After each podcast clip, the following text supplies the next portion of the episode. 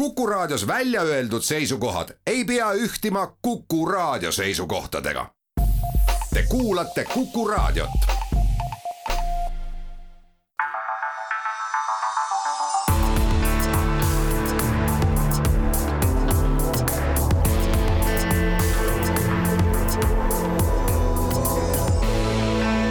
olukorrast ajakirjanduses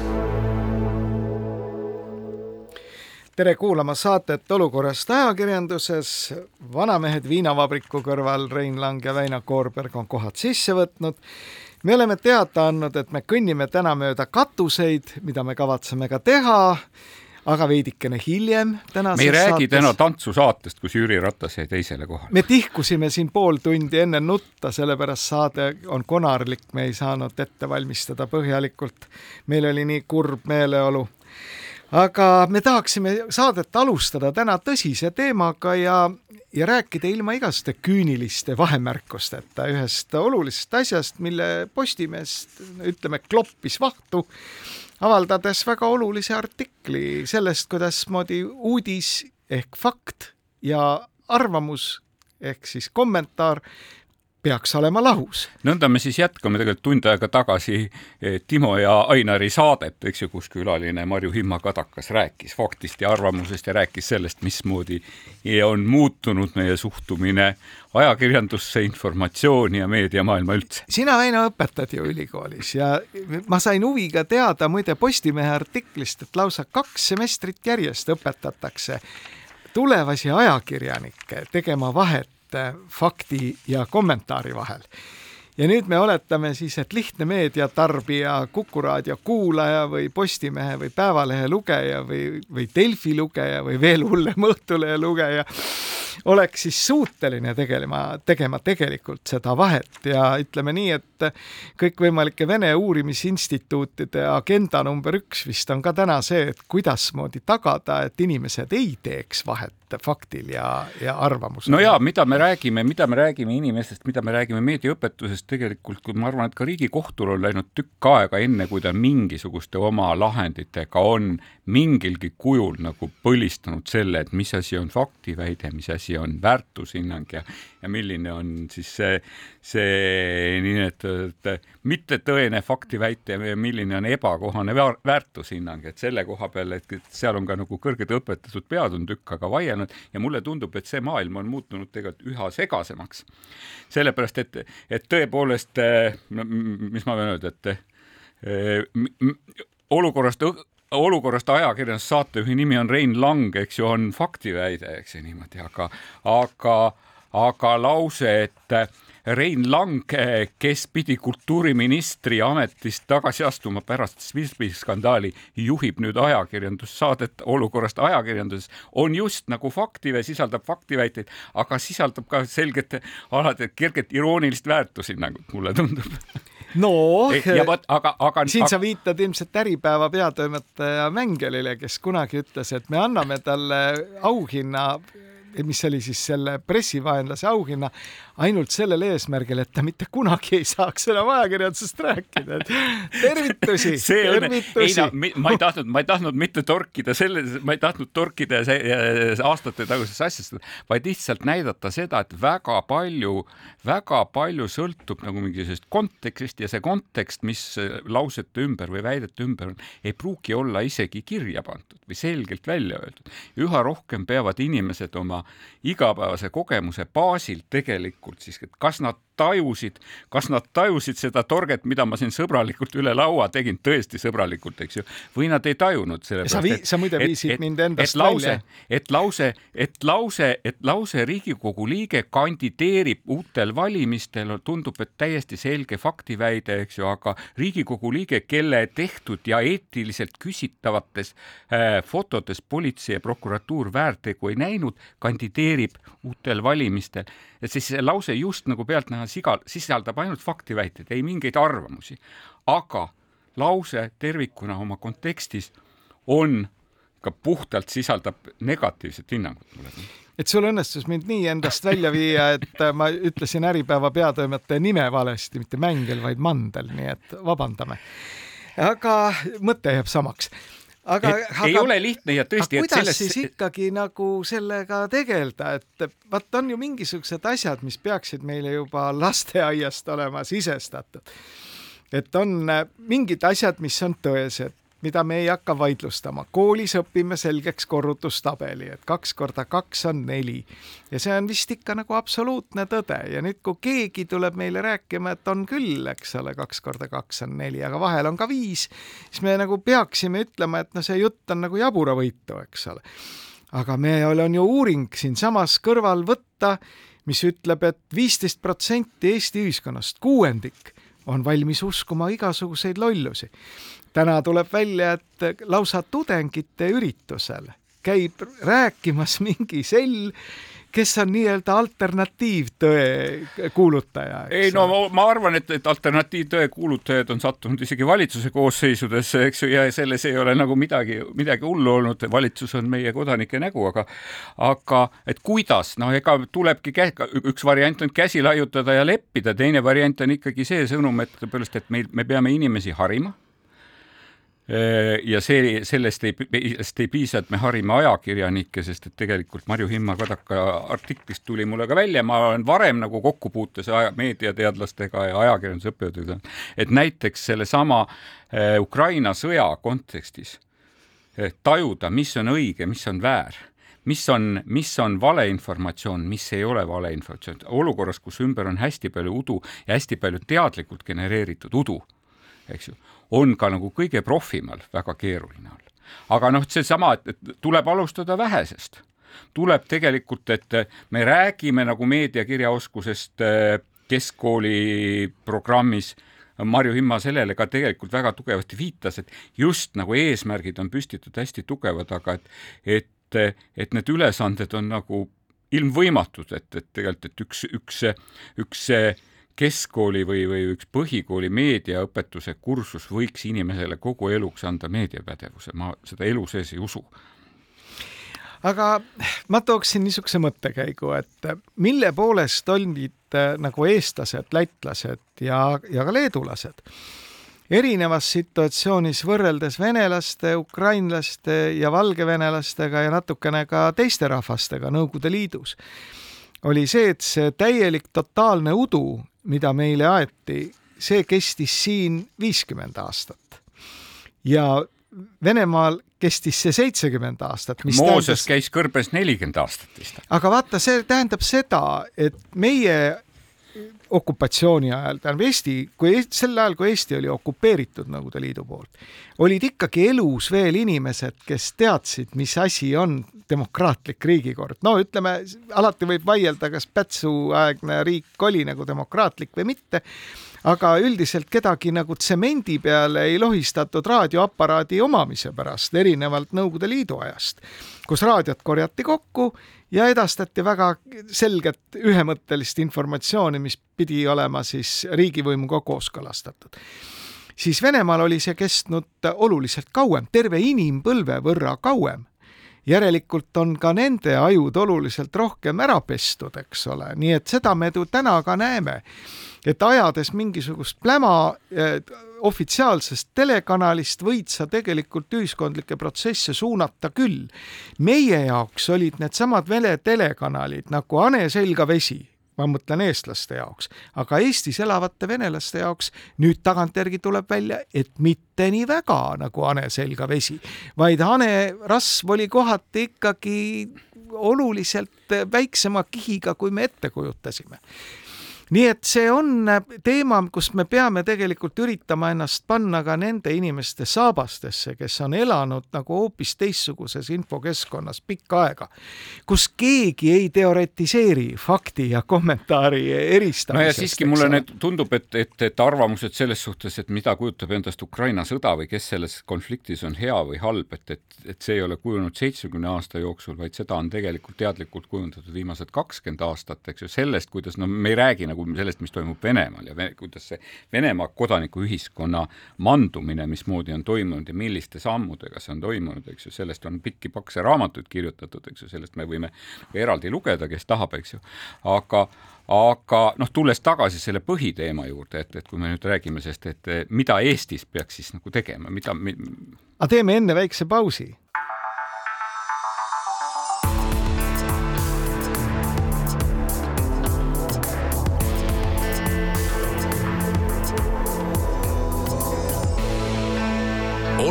Olukorrast ajakirjanduses Väino Koorberg ja Rein Lang räägivad fakti ja kommentaari eh, eristamisest, mille üle nüüd siis eh, huvitaval kombel algas Eestis ajakirjanduslik diskussioon.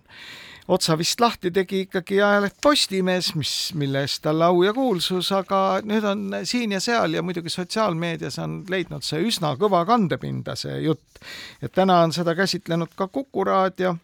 nii et teema tundub olevat üsna terav ja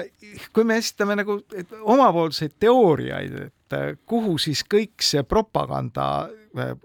nagu välja ulatub minevikku, et kuidas inimesed on suutelised seda möla, mida täna näiteks ikkagi Vene ofitsiaalne meedia levitab ja see on üheksakümmend protsenti kogu inforuumist peame ühte asja nagu täpsustama.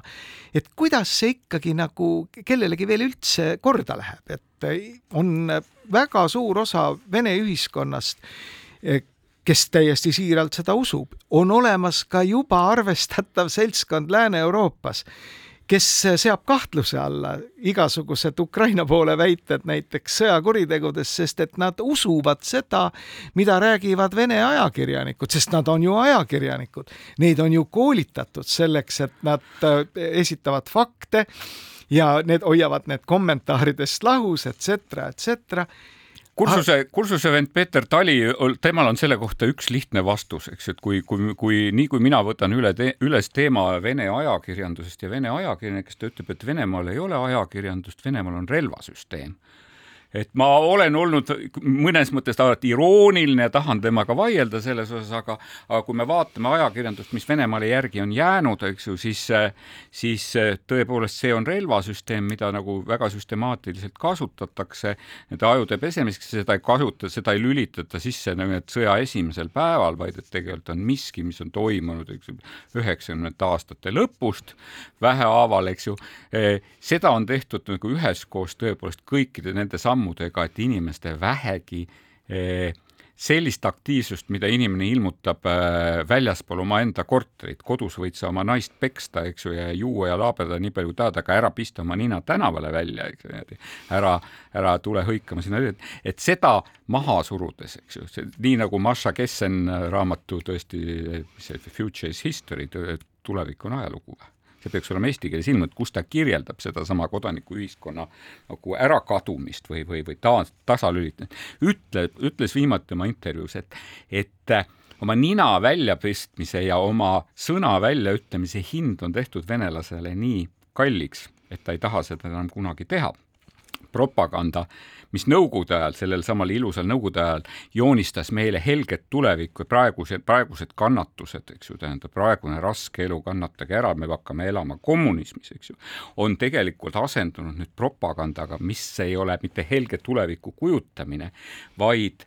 mineviku muutmine ehk et mineviku näitamine helgena, ilusana sinna tagasiminek, usaldusväär- või niisugune ihaldusväärne, eks ju. sinna lisaks tegelikult siis noh, kõik need propagandatehnikad, mida me ühtepidi vaatame peale, ütleme, et no kuidas nii mustvalget selget asja inimesed läbi ei hammusta, nagu tõesti nagu eh, võltsitud välismaa väljaannete esikaanet, mida oma publikule esitatakse, eks ju, tõepoolest, et me oleme näinud isegi mitu korda näiteks seesama eh, Prantsuse satiiriajakiri Charlie Hebdo et võltsitud satiiriajakirja esikeeled, kus isegi karikatuurid on võltsitud, et on leitud samasuguse stiiliga joonistaja, kes on joonistanud seal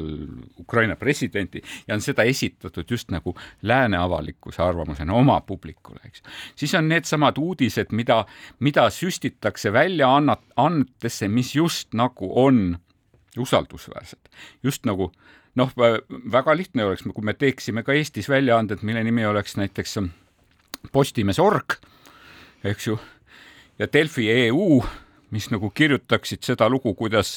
profašistlikud organisatsioonid Ukrainas, eks ju, Vene õiglaste vägede vastu sõdivad, eks ju niimoodi, siis kindlasti leidub seal välismaal mõni tähelepanematu ajakirjanik, mõni niinimetatud välismaine Delfi debiilik, kes selle uudise üles napsab, võib-olla see püsib kaks kuud või kaks päeva seal väljaandel või kaks tundi seal väljaande eh, eh, koduleheküljel ja sellega on ta natuke nagu pestud, sealt ta liigub edasi järjest puhtamasse ja puhtamasse eh, kanalisse. Jah, ja täpselt samamoodi jõuab kusagile. ja vot sa ütlesidki, et kui, kui mingisugune valeuudis saab kuskil arvestatavas keskkonnas rippuda üleval kaks tundi, siis ta võib-olla on oma töö juba teinud eks see on see Vene sõjaline doktriin, mille järgi tanki eluiga pidi olema vähemalt kakskümmend seitse sekundit eh, Saksamaa sõjatandril, sest siis ta on oma ülesande täitnud. Ja ütleme, et ma kujutan ette, et need trollivabrikud, nad, nende e-, edukust mõõdetakse ja preemiat makstakse ka selle järgi, kes saab mingisuguse noh, ägedama vale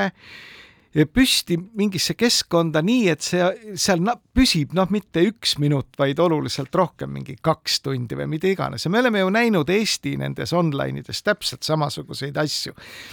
et äkki ilmub kuskilt ei tea kust, eriti muide nädalavahetustel ilmuvad mingisugused uudised, mis äkki sama kiiresti nagu sinna tekkisid, ka sealt kaovad. sellepärast, et keegi, kes, kellel on aru peas, eks ole, saab aru, et see on mingi trollivabriku toode ja korjab selle sealt ära, aga ütleme oma mundriau huvi, huvides ei jäta sinna seda jälge, et noh, me väga vabandame, et see uudis oli tegelikult meie enda lohakuse ja lolluse pärast sinna tekkinud, et ärge, et kustutage see ka oma mälust. no ja siis on veel nagu see, et, et tõepoolest, et mõni, mõnikord sa tõid selle nädalavahetuse momendi juurde, et, et no need on need vaieldavad kohad, et kui palju me siiski peaksime andma sõna näiteks selle Vene välisministrile või, või, või kui palju me peaksime kajastama iga sõna, mida Venemaa nimetatud praegune president oma verest vahutava suuga ütleb, eks ju niimoodi. Et, et ja kui palju, kui suure osa selle meie nagu niisugust meediateedist peaksid sellised arvamused moodustama, et siin eh, võib-olla lihtne on olla, et, et tavaliselt Ivan Makarov on meil, meie sõber sealt äh, Objektiivi portaalist, on väga tähelepanelikult alati järginud ERR-i tegevust, et ta on mööda, sellel nädalavahetusel on ta vaadanud laupäevast poole, poole seitsmesest Aktuaalset kaamerat ja ta on tõesti seal öelnud, et, et kas nagu muud ei olegi olemas, et kui me et ei ole normaalne, et viieteistminutisest Rahvustelevisiooni uudistesaatest umbes pool aega kõlab agressorriigi keel ja selles keeles raporteeritakse reipalt edusammudest genotsiidis ja ta ütleb, et sealt räägit-, on räägitud, tolles saates räägiti sellest, kuidas USA-s nõutakse ühe häälekamalt Ukraina survestamist läbirääkimistele, siis me vaatasime, kuidas Sergei Lavrov rääkis seda, et me ei sõda, me ei sõdi Ukrainas, et saage aru, me ei sõdi Ukrainas mitte, mitte ukrainlastega, kes on meile väga armsad, eks ju, et meile meeldib, me armastame neid surnuks pommitada, vaid et me sõja, sõdime neonatsistidega ilma igasuguse kommeta. siis me vaatasime väga pikalt seda, et kuidas Vladimir Putin rääkis, kui hästi tema relvatööstus töötab ja nii edasi, siis me vaatasime Vene ajakirjanike piketti Vene saatkonna juures ja no siis ta ütleb, et siis natuke näidati Eesti asja ka, näidati, et kuidas ma tsiteerin praegu Ivan Makarovit, kuidas meie pulvavanaks muutunud president Alar Karis autosustas mingit karmoška mängijat ja ütles, et sellega oli laupäevane Aktuaalne kaamera läbi. no aga näed, vaata, hea kolleeg Ivan Makarovil jäi täiesti tähelepanuta AK-s seitsmeminutiline lugu Palivere Kelgumäest nii et vaat peaks Ivanile soovitama, et jälgigu tähelepanelikumalt. ta muidugi ei märganud, tolles konkreetses saates muidugi ei märganud ka lõiku Holodomori aastapäevast ja ei märganud lõiku Kiievis kütte taastamisest, aga tõepoolest, et Eestist oli ainult kaks uudist, eks ju, Karmuška mängija ja pikett Vene saatkonna aga, aga mind muide, võib-olla natuke teise nurga pealt, aga mind teeb täpselt samamoodi üsna murelikuks see toimetuspoliitika, mida meie Rahvusringhääling siis oma peauudiste saates teeb aga noh, jäägu see täna sellest asjast välja, kui me rääkisime, et hoiame nagu fakti ja kommentaari lahus, siis siit olekski nüüd väga hea üle minna tegelikult meie tänase saate põhiteemale ehk katuserahadele. me oleme ka tänast saadet reklaaminud, et me kõnnime mööda katuseid. ja no siis äh, kellelegi vast ei jäänud seekord ka tähelepanuta, et parlamendis löödi jälle laiaks märkimisväärne osa Eesti rahvuslikust koguproduktist, mis tegelikult on ju mikroskoopiline summa, arvestades kogu riigieelarve mahtu, aga tõmbas endale no ütleme, kogu tähelepanu. riigieelarvest tervikuna ei ole Eesti ajakirjandus suurt midagi rääkinud aga katuserahadest, oi, no vist ei ole ühtegi meediakanalit, kes seda teemat ei oleks nagu ekspluateerinud. me igal aastal muidugi kipume iseennast kordama selles osas. ja vot ongi, et tegelikult on igal aastal täpselt sama plaat ja igal aastal on ajakirjanikud ise ja otsinud siis ka toimetused on otsinud neid arvamusliidreid, kes on seda süsteemi tümitanud ja see on kestnud aastaid. ma arvan, et kõik argumendid, poolt ja vastu argumendid on ammuilma lauale pandud ja siin ei ole mingit põhjust tegelikult rohkem üritada üksteist veenda ma arvan, et mõistuslik osa Eesti ühiskonnast saab aru, et see ei ole maailma kõige parem meetod juhtida või lahendada mingisuguseid pisikesi probleeme regioonides. see on suurepärane meetod, mina mäletan oma Õhtulehe perioodist seda, et meil oli suurepärane turundusprojekt Unistus me võtsime sada tuhat krooni, see oli veel krooni ajal ja pöördusime oma lugejate poole, kirjutage meile oma unistustest, me vaatame, kui ilusamad unistused aitame ellu viia, eks ju. ja sealt tuli hästi palju, sealt tuli meile vastu tegelikult väga väärtuslik pilt sellest, milline näeb Eesti elu tegelikult välja, et, et, et ma, me avaldasime suure osa nendest kirjadest lühikeste väljavõtetena, oleks soovitanud Riigikogu liikmetel ka nagu võib-olla lugeda, et põhiliselt oli lugu, oli tegu siis veevärgi sisseviimisega, oli tegu katkiste ahjudega ja oli eh, katkiste hammastega see projekt, eks ju. aga päris märkimisväärne, väärse osa nendest kirjadest, me saime tõesti tuhandeid, tuhandeid kirju oli kirjad, mis ütlesid, andke mulle see sada tuhat krooni, ma tahan selle annetada heategevuseks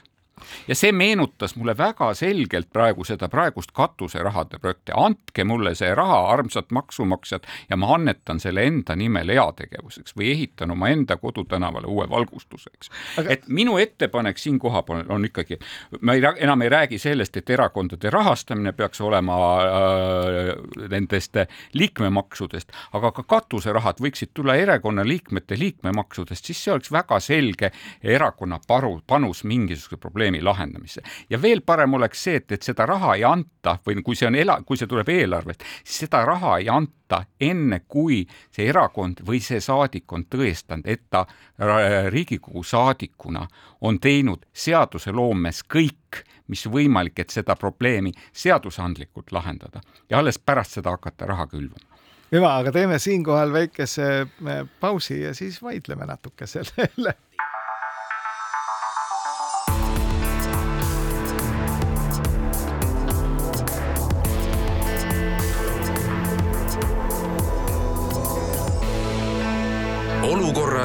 ajakirjanduses. Veino Koorberg ja Rein Lang olukorrast ajakirjanduses Vanamehed viinavabriku kõrvalt üritavad hoida nüüd eh, fakti ja kommentaari lahus ja no, soovitada seda kolleegidele. juhime tähelepanu, et me oleme puhas kommentaari saanud aga no teema, miks me selle üles võtame, ongi see, et juba kuskil õige mitu aastat järjest on katuserahade ümber käinud selline tohutu tants ja trall, kus siis selle süsteemi pooldajad on ka muide sõna saanud, on oma argumendid lauale pannud süsteemi vastased on kõik oma argumendid lauale pannud, nii nagu ma eelmises saate osas rääkisingi, et noh, et selline mõtlevam osa ühiskonnast leiab, et niimoodi ei peaks lahendama regionaalpoliitilisi probleeme. ometigi on Riigikogu liikmed, kes omavad rahva mandaati nii otsustada, nii otsustanud teistmoodi ja nüüd on minu küsimus on selles, et kas nüüd jätkab Eesti ajakirjandus selliste südantlõhestavate karjete publitseerimist. nagu näiteks Martin Ehala kirjutis oli, et ma võin temaga nõustuda, aga ma ei saa aru, milleks uuesti rääkida asju, millest on räägitud sada korda. aga mina tahaks nüüd seda, et ajakirjandus võtaks kätte need eraldised mis kaks aastat tagasi katuserahadena mingitele MTÜ-dele või sihtasutusele tehti. käiks mööda neid katuseid. ja käiks mööda neid katuseid ja vaataks, mis siis selle raha eest on tegelikult tehtud, mis on, on paremaks läinud või mis, kus on, on lihtsalt tasku löödud. demokraatia on selle, selle raha eest ikkagi edenenud. aga tegelikult on ju niimoodi, et iga kord on leitud mingisugusele eraldisele mingisugune põhjendus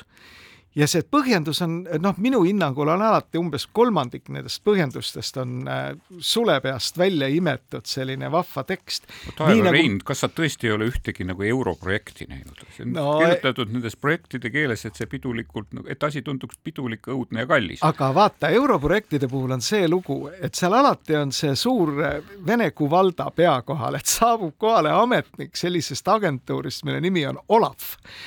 ja see on Brüsseli suur majatäis struktuuri, mis on, äh, ongi mõeldud kõikvõimalike pettuste avastamiseks ja ennetamiseks. ja tuleb üks mingi lipsustatud vend, äh, astub lennukilt maha, palub kõik dokumendid ette näidata ja kui ta avastab sealt, et see raha on ebasihtpära-, sihipäraselt kasutatud ehk tegelikult läks raha kuskile mujale kui sellesse pastakast välja imetatud, imetud projekti, siis tuleb see raha tagasi maksta ja nüüd oleks ju hästi tore tegelikult, kui need kaks või kolm aastat tagasi tehtud katuserahade eraldised, keegi vaataks nad üle kirjutaks ajalehes siis loo, eks ole, kuidasmoodi raha tegelikult läks kurat teab kuhu, mitte selleks otstarbeks, mis on mõeldud, ja teeks ettepaneku, et nüüd võiksid need sellid selle raha tagasi maksta. see no, oleks Rein, ju palju no, toredam. Rein, sinu see jutt lähtub eeldusest, et, et, et see raha läheb kõik vasakule, ma ei ole päris mitte kindel, et see raha läheb vasakule, vaid vastupidi, selgub, et need Riigikogu liikmed, kellest me varem kusagil kunagi midagi kuulnud ei olnud, eks ju, saavad selle rahaga sisuliselt endale teha tasuta väikest valimiskampaaniat, valimist valimiste eel, eks ju, olla populaarne oma piirkonnas, näidata, et ma olen oma konkreetse küla heaks ikka midagi teinud, eks ju, küla, külaseltsi kõr-, seltsi, külaseltsimaja, niinimetatud külaseltsimaja kõrvale on seikluspargi rada, eks ju, rajatud, eks ju, tähendab, lambid põlevad, ma olen nagu selles mõttes, et minu roll Riigikogus on tehtud. ja ma arvan, et kui seda minna kontrollima, siis me näemegi, lambid põlevad ja seiklusrada on tehtud. ja väga tore aga ma, ma, ma, ma nüüd mõtlen lihtsalt, et mis on, mis, mis agentuur see võiks olla see, kes tuleks ja kontrolliks, et kus siin on korruptsioonioht näiteks, kus siin on nagu mingisugune noh, ebaseaduslik tegevus, eks ju, et, et kas, kas need organid, kes käivad mööda juuksureid ja kontrollivad, et abilinnapeade juuksed, kas on lõigatud või ei ole lõigatud, eks ju niimoodi, et need vaataksid, et siin ei saaks näiteks parlamendiliige endale mingisuguseid ebaseaduslikke hüvesid või, või, või kas või nagu teenimatut kuulsust. aga muide, see ongi minu arvates ajakirjanduse funktsioon, mitte jääda ainult sellele abstraktsele tasemele ja tümitada mingisugust süsteemi, eks ole, mille puhul on kõik argumendid lauale pandud, asi on jätkunud, eks ole, kuna valitud saadikud rahva mandaadiga on otsustanud, et kogu see eh, pahameel, mida ajakirjanduse esindajad on väljendanud, ei ole relevantne. Nad on sellega edasi tegelenud küll aga tahaks ikka teada, kuhu need rahad on läinud, nii nagu riigieelarve puhul on ju, me saame iga mingi kümne tuhande euro kasutamisest ju teada. läbi teabenõuete me saame küsida mida iganes. aga selle raha puhul kõik on nagu eraldatud ära, siis selle eraldamise käigus on tekkinud jah, siin skandaalikesi ja skandaale. minu meelest on see muidugi lihtsalt mage, kui keegi teeb ettepaneku oma suvila lähedale nagu tänavavalgustust paigaldada aga vaatame neid kolm aastat tagasi tehtud eraldisi. vaatame, kuhu nad on läinud ja lähme ja küsime, mis on siis toimunud, mis on paremaks läinud, kas midagi läks paremaks ja ma arvan, et me avastame sealt tohutu hulga no imelõbusaid lugusid. ja vot need imelõbusad lood mis nüüd äh, hakkab, hakkaksid ilmuma näiteks nende katuserahade kohta veel sel aastal või järgmise aasta algusel, see on see jõud, mis tegelikult paneb seda süsteemi muutma. ma ei ma ole, ma ei ole sinust kord kindel, ma arvan, et kui me läheme koha peale, kui me läheme vaatama, eks ju, see tähendab, et mis sai Õhtulehe unistuse projektist, eks ju, siis saame teada, et, et kusagil on olemas mingisugune hea asi, mis on tehtud ja mille kõrval seisub hõbedane lint, hõbedane silt, et Õhtulehe lugeja see ja see, eks ju, tähendab, et me oleme sulle tänulikud, tänutundes sinu rahvas. kindlasti on neid projekte ka aga kindlasti on ka teisi kõikvõimalikke toredaid eraldisi, mille puhul me saame esitada küsimuse, et kas see ikkagi on nagu mõistlik, kas see on läinud õigesse kohta ja, ja enamasti me saame ju neid projekte, mille ümber saab irvitada ja, ja küünilist teksti kirjutada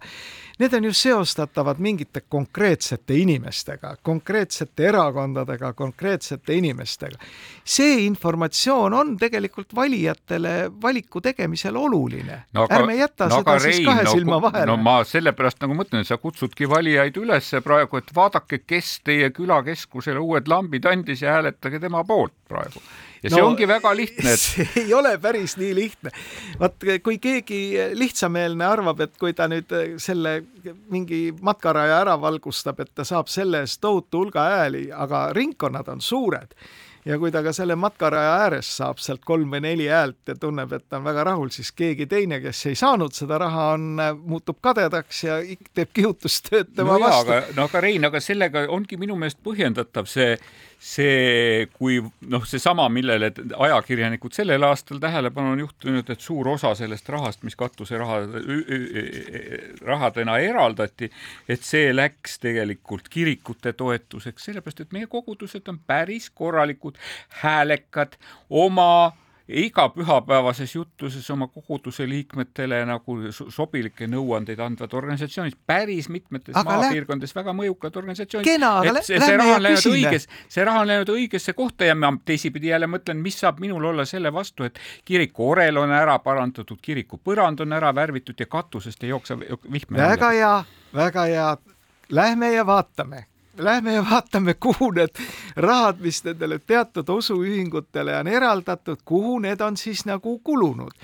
kas see jutt et on vaja katus ära parandada või aken ära parandada, tegelikult on vastanud tõele. kas see aken on siis ära parandatud? ei, no minu küsimus nagu ongi selles, et kas Riigikogu liikmed oma seadusandliku tegevusega ei saaks nagu kuidagi liikuda selles suunas, et, et, et kirikute aknad oleksid parandatud, eks ju, ja, ja muinsuskaitseobjektid oleksid kaitstud, koolid saaksid piisavalt raha, et omavalitsustel on raha, eks ju, panna üles laternaid, eks ju, ehitada seiklusradasid ja nii edasi. ei no vaata, meil on vähe, raha on alati piiratud ressurss, nii et noh, selle, sellega ma arvan, väga kaugele ei jõua küsimus on rohkem selles, et kas Eesti saadikud peaksid nagu järgima seda konstitutsioonilist imperatiivse mandaadi puudumise printsiipi, et nemad peavad vaatama Eestit kui tervikut, mitte kui mingit noh, omaenda külaprojekti, eks ole. aga noh, see on hoopis teine teema aga nüüd eh, nende katuserahade puhul on tegelikult võimalik ju igasuguseid naljakaid eraldisi teha just sellepärast, et Eesti ajakirjandus on keskendunud selle süsteemi üle targutamisele, mitte mitte nende konkreetsete summade raiskamisele. me ei, saa sinu, teada ma, ju. ma ei ole ju sinuga nõus, sellepärast et olgem ausad, et me räägime praegu ühe külakeskuse juurde tehtavast seiklusrajast ja me räägime ühest, ühe tänava valgustamisest just selle tõttu, et aja, nii kui ajakirjandus selle kirjutas, eks ju, nii Reformierakond oma selle kas, ettepaneku tagasi aga võttis. kas me arvame, et see on nagu üksikjuhtum, see äh, tänavavalgustus või? ja see on veel sel aastal. vaatame neid rahasid, mis on katuserahade kaudu läinud kaks-kolm aastat tagasi ja see pilt avaneb ikka väga lõbus iseenesest, eks ole, aga see on ränk töö. see eeldab seda, et me võtame kõigepealt selle eraldiste nimekirja ette, lähme intervjueerime kohalikke elanikke, küsime välja dokumente, avalikus sektoris saab teabenõude kaudu kõik kätte, aga mingi MTÜ ütleb, et oi, raamatupidamine põles ära koos autoga, eks ole mis siis saab? Et see on tegelikult ikkagi ajakirjanduse seisukohast ränk töö ajada kõiki neid jälgi. ei viitsi, sellel on palju lihtsam on tegelikult küsida kaastööd mõne autori käest, kes lööb kogu selle süsteemi pihuks ja põrmuks ilma mingite konkreetsete faktideta.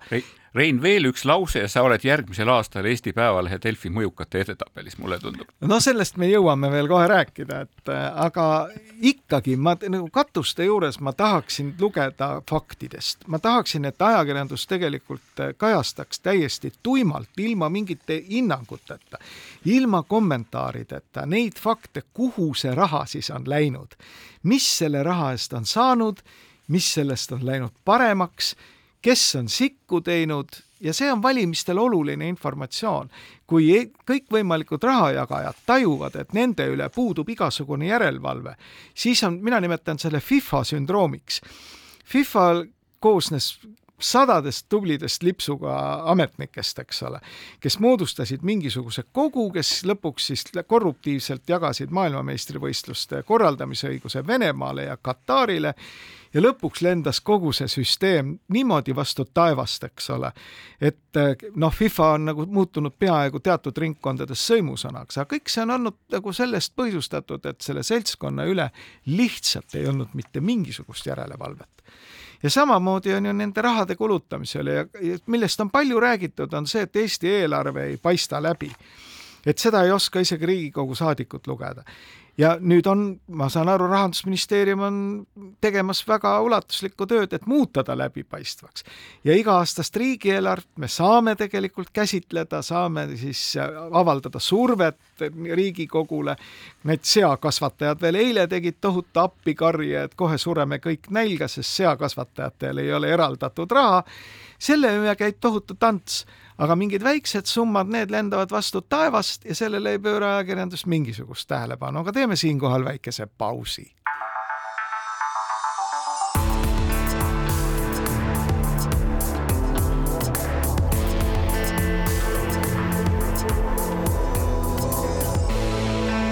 olukorrast ajakirjanduses. Rein Lang ja Väino Koorberg käivad mööda katuseid ja et siit on nüüd hea võimalus üle minna mõjukate projektile. et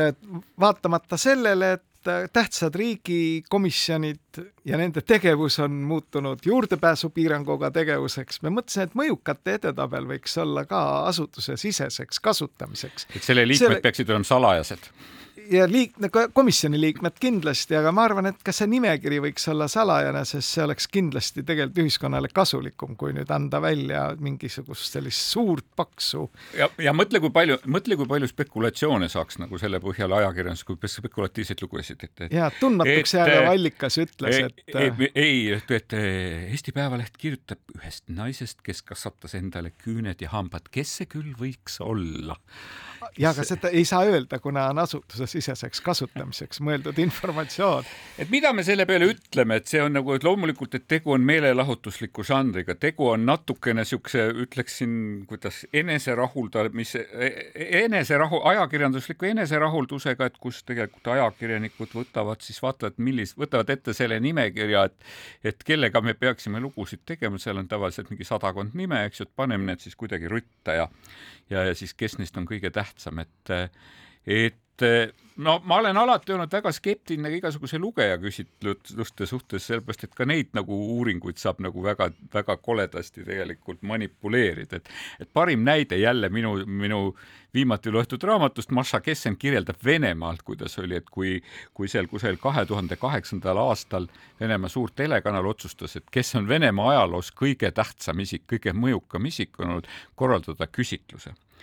et see oli mingisugune Venemaa nimed või mingisugune midagi niisugust, et eh, kui nad olid eh, pool aastat seda küsitlust juba vist kuidagi niimoodi teinud, kaks pool miljonit häält oli saabunud, eks ju, siis tuli äkitselt nagu see asi, projekt korraks peatada, väidetavalt häkkerite rünnak tõttu, sest, sest nende kahe poole miljoni hääle ülelugemises selgus, et, et et nende vaatajate lemmiktegelaseks osutub Jossif Stalin no siis natukene midagi seal algoritmis natukene sätitati, sätitati, jälle natukene aega hääletus käis, järgmine lemmik oli Nikolai Teine, tema, kes ta, kes ta tegelikult äh, troonist loobus, kelle kommunistid revolutsiooni läbi nagu troonilt paiskasid, Putinile see jälle ei meeldinud, eks ju, jälle tuli häkkerite äh, rünnak, eks ju, tehti algoritm ringi, no ja lõpuks leiti siis see niimoodi kõiki rahuldav kandidaat, tead, kes oli, kes oli siis Venemaa kuulsaim tegelane? ikka tean, Aleksander Nevski. Aleksander Nevski, eks ju, selle peale, et kui, kui hakati keskmiselt inimeselt, mitte rääkimata miljonitest, hakati küsima, kes see on, et mille järgi me teda nagu mäletame, et ega me väga ei mäleta, et ta vist andis sakslastele peksa mingi Eisensteini film oli, eks ju, ja rohkem inimesed sellest ei mäleta. näitas puhas manipulatsioon, mulle tundub, et täpselt samasugune manipulatsioon, kuigi meelelahutuslik manipulatsioon on see nimekiri, mis algab Kaja Kallasega ja lõpeb sajandal kohal Arvo Pärtiga. no mina, minu soovitus oleks kõigile raadiokuulajatele, et ärge jumala eest võtke seda tõsiselt, et see ongi selline ajakirjanduslik meelelahutus ja mind teeb natukene kurvaks just nimelt see, et sellega tegeleb nagu väljaanne, mille nimi on Eesti Päevaleht. kui seda teeks Õhtuleht või Kroonika, kes on olemuslikult tegelikult ennast määratlenud kui kollane ajakirjandus, siis on see ju lõppkokkuvõttes niisugune lahe lugemine, eriti peale niisugust kõvemat eelmise päeva pidu istud tugitoolis, rüüpad äh, ürditeed ja, ja loed sealt siis PR-firmade poolt kokku pandud materjali, eks ole jah aga..., vot väga hea, sa rõhutasid selle, et, et mina nagu tahtsingi ütelda, et ühtepidi on see nagu ajakirjaniku eneserahuldusprojekt natukene, teisipidi on see, see kindlasti on suhtekorralduslik projekt ja, ja selles mõttes tasuks uurida, et ka, kui suur on mõju nagu kõikvõimalikel suhtekorraldustegelastel, kes püüavad oma produkte sisse toppida Ringvaate saatesse, kes püüavad oma poliitikuid tappa õppida tantsusaadetesse, saatesse Hüppa ja karga, nagu me mäletame filmist Seenes, seenelkäik, eks ju, ja kui palju on nende mõju selle, selle nimekirja toppimise peale, eks ju, ja kui palju on, kui palju on selles siis nagu tegelikkust mõju, et mille järgi seda mõju eh, hinnatakse, mis need kriteeriumid on, et, et Päevaleht ise oma juhtkirjas kirjutab, otsisime mõju, mitte populaarsust, otsisime eeskujusid, mitte lühiajalisi õhunuusutajaid aga äkki sa oled ka samale liinile läinud, et sa võtad seda projekti nagu tõsiselt? ei, ma jah, ma selles mõttes mul, mul, ma tahan e, endist kolleegi Katrin Pautsi nagu kiita, ta meenutas seda aega küllaltki kriitiliselt, seda aega järelikult ma pidin olema Õhtulehe peatoimetaja, kui ta olla tulnud uudistetoimetuse koosolekule ettepanekuga välja, et tuleks teha lollide nimekiri. Saaks... lollide edetabel, eks ju, ja see, see kuidagi hääletati koosolekul maha, et kuna ei ole võimalik nagu sobivaid kriteeriume no aga mõtle, kui palju lõbusaid kohtuasju selle tulemusena saaks. ei, ma ei tea, ma kas see nagu selles mõttes, sest ma tahtsin siit teha väikese teemapöörde, et üks teine edetabel nagu jõudis siin äh, lähiajal ju tegelikult veel avalikkuseni ja see oli siis tegelikult koolides äh,, koolide riigieksamite tulemuste edetabel ja see minu meelest tekitas nii õpetajate, koolijuhtide kui ka teatud avalikkuse seas ka teatava väreluse just seetõttu, et kas koolide äh, ritt võtta ladumine nende mingisuguse kolme riigieksami tulemuse põhjal, eks ju, kus on tõepoolest selguvad eliitkoolid, mis läbi aegade on ühesugused, aga kus on ka kusagil see tagumine ots, kas see ikka on õige, kas see on õiglane, kas see on aus ja kas see on hea ja minu meelest vaat ka see on nagu küsimus, mida tuleb arutada ja minu meelest seda on ka arutatud mitukümmend aastat. ma tõepoolest mäletan juba üheksakümnendate keskpaigas ajakirja Luup ja ajakirjas Luup oli suurepärane materjal, vist esimene koolide edetabel, mis kandis pealkirja Kust tulevad põhupead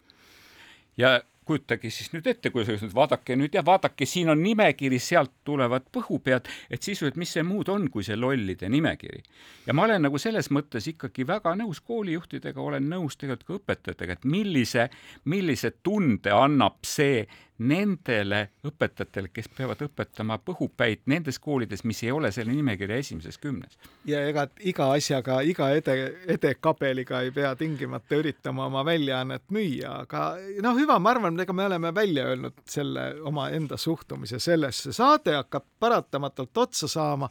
ja põhiküsimusele, kas jalgpall on parem kui seks, jääb vastamata ja me ei saanud ka teada, et tegelikult ei jõudnud teile öelda, et mis on ühist Indrek Tarandil ja Kaius Niemil. vastus on kiire, et mõlema peale kaebas oma maja turvamees. Kaius Niemi oli Helsingin Sanomat peatoimetaja. aga mis sellest jalgpallist nii palju, et ma annan tegelikult ERR-ile palju andeks tänu sellele kinoteatri projektile See.... mina ei anna, mina ei anna, ma tahan seda öelda, et see kinoteatri projekt, mille kohta ERR ütles, et see ei ole ajakirjandus et see, see väide oli kõige alatum. see on alatu, see jah, oli alatu aga... väide sellepärast, et tegelikult, et kus peaks siis veel olema need, kus peaks olema see kriitiline hoiak, eks ju, jalgpalliliidu suhtes, eks ju, reklaami ja sisu eristamise suhtes, ka ERR-i eetikanõuniku positsiooni suhtes, eks ju, mis. see on, see on sul õigus, aga materjal ise on täitsa lõbus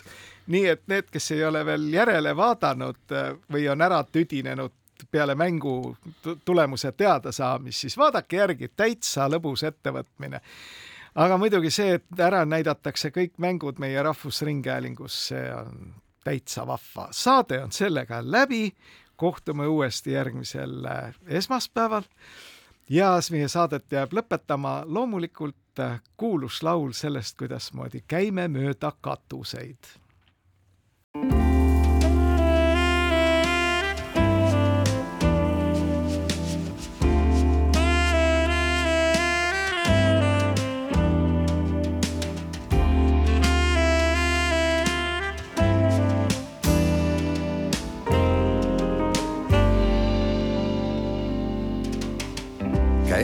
käime katuseid mööda,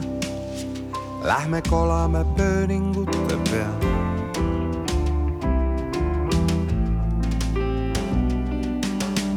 Nad ei tea, mida mõelda, need, kes pole iial käinud seal.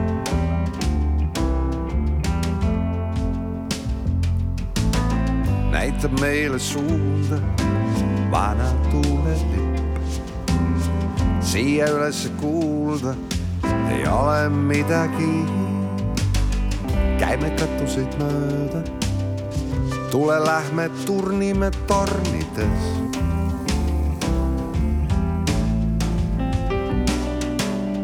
Lähme katsume pilvi, lähme värvime taeva siniseks.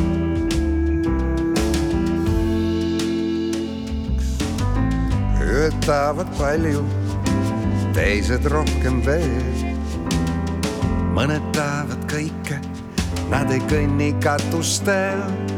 me ei näe teisi kihutamas ringi. meil on silmad ainult teineteise jaoks. meil on aega hoida teineteisest kinni, maailm kuhugi ei kao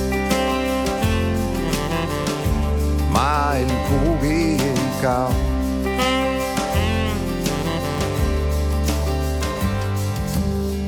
üksik mees istub kodus, joob õlut ja üksinda kurvastab.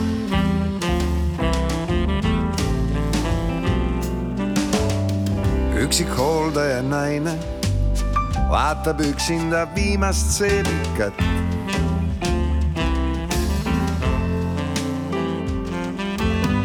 klaasist akende taga, neid on rohkem veel. Nad on üksinda kodus, nad ei kõnni katustel. me ei näe teisi kihutamas ringi. meil on silmad ainult teineteise jaoks. meil on aega hoida teineteisest kinni, maailm kuhugi ei kao maar een koekie.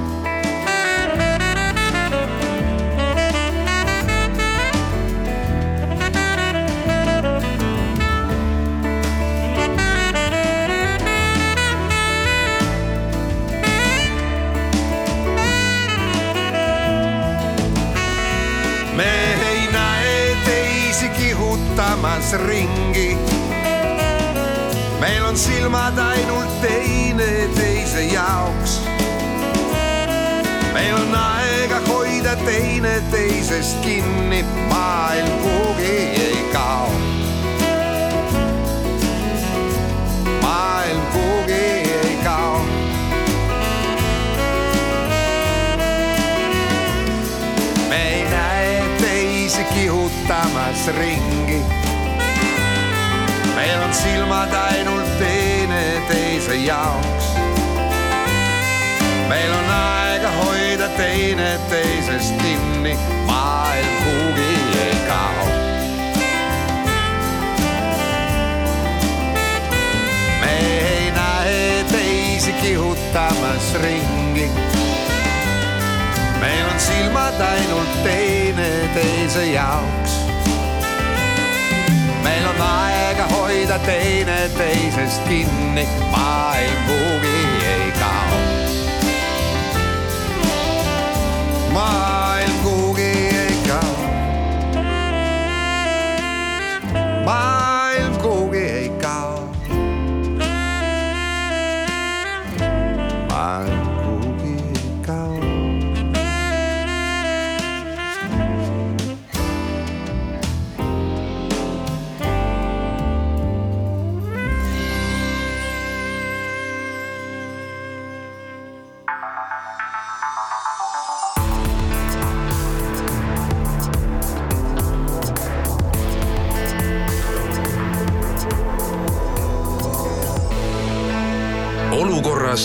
olukorrast ajakirjanduses